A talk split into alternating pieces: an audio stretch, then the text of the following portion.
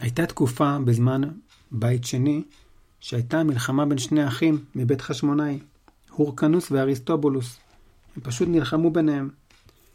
והייתה באותו זמן, בסיפור שאנחנו מספרים עכשיו, הורקנוס והאנשים שלו היו בפנים, בתוך ירושלים, ומבחוץ עשו עליהם מצור אריסטובולוס והאנשים שלו.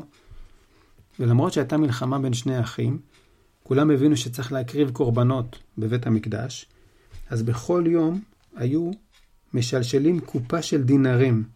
מבפנים היו מביאים קופסה, קופסה של דינרים, מוציאים אותם החוצה, אלה אלה שבחוץ, שעושים את המצור, ובתמורה, אלו שבחוץ היו נותנים להם תמידים, בעצם כבשים, כדי להקריב את הקורבנות. וככה כל יום היו מבפנים מעלים ארגז עם כסף, מבחוץ מעלים להם לבפנים קורבנות כדי שיוכלו להקריב בבית המקדש. היה שם זקן אחד שהיה מכיר בחוכמה יוונית. הייתה לו, הוא הכיר חוכמה יוונית. אז הוא אמר לאלה ש... או, או שהוא היה בפנים ואמר לאלה שבחוץ בשפה זרה שלא יבינו, או שהוא היה בחוץ ואמר, הוא אמר, תראו, כל זמן שהם בפנים, הם ימשיכו להקריב קורבנות, אתם לא תנצחו אותם. אתם נותנים להם כל יום קורבנות שהם יקריבו בפנים. ככה בחיים לא תצליחו לנצח אותם. אתם לא יכולים להמשיך ככה.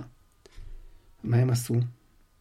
למחרת, אלו שבפנים העלו ארגז עם כסף, עם דינרים, ואלו שבחוץ, במקום להביא להם קורבנות, הם העלו להם חזיר.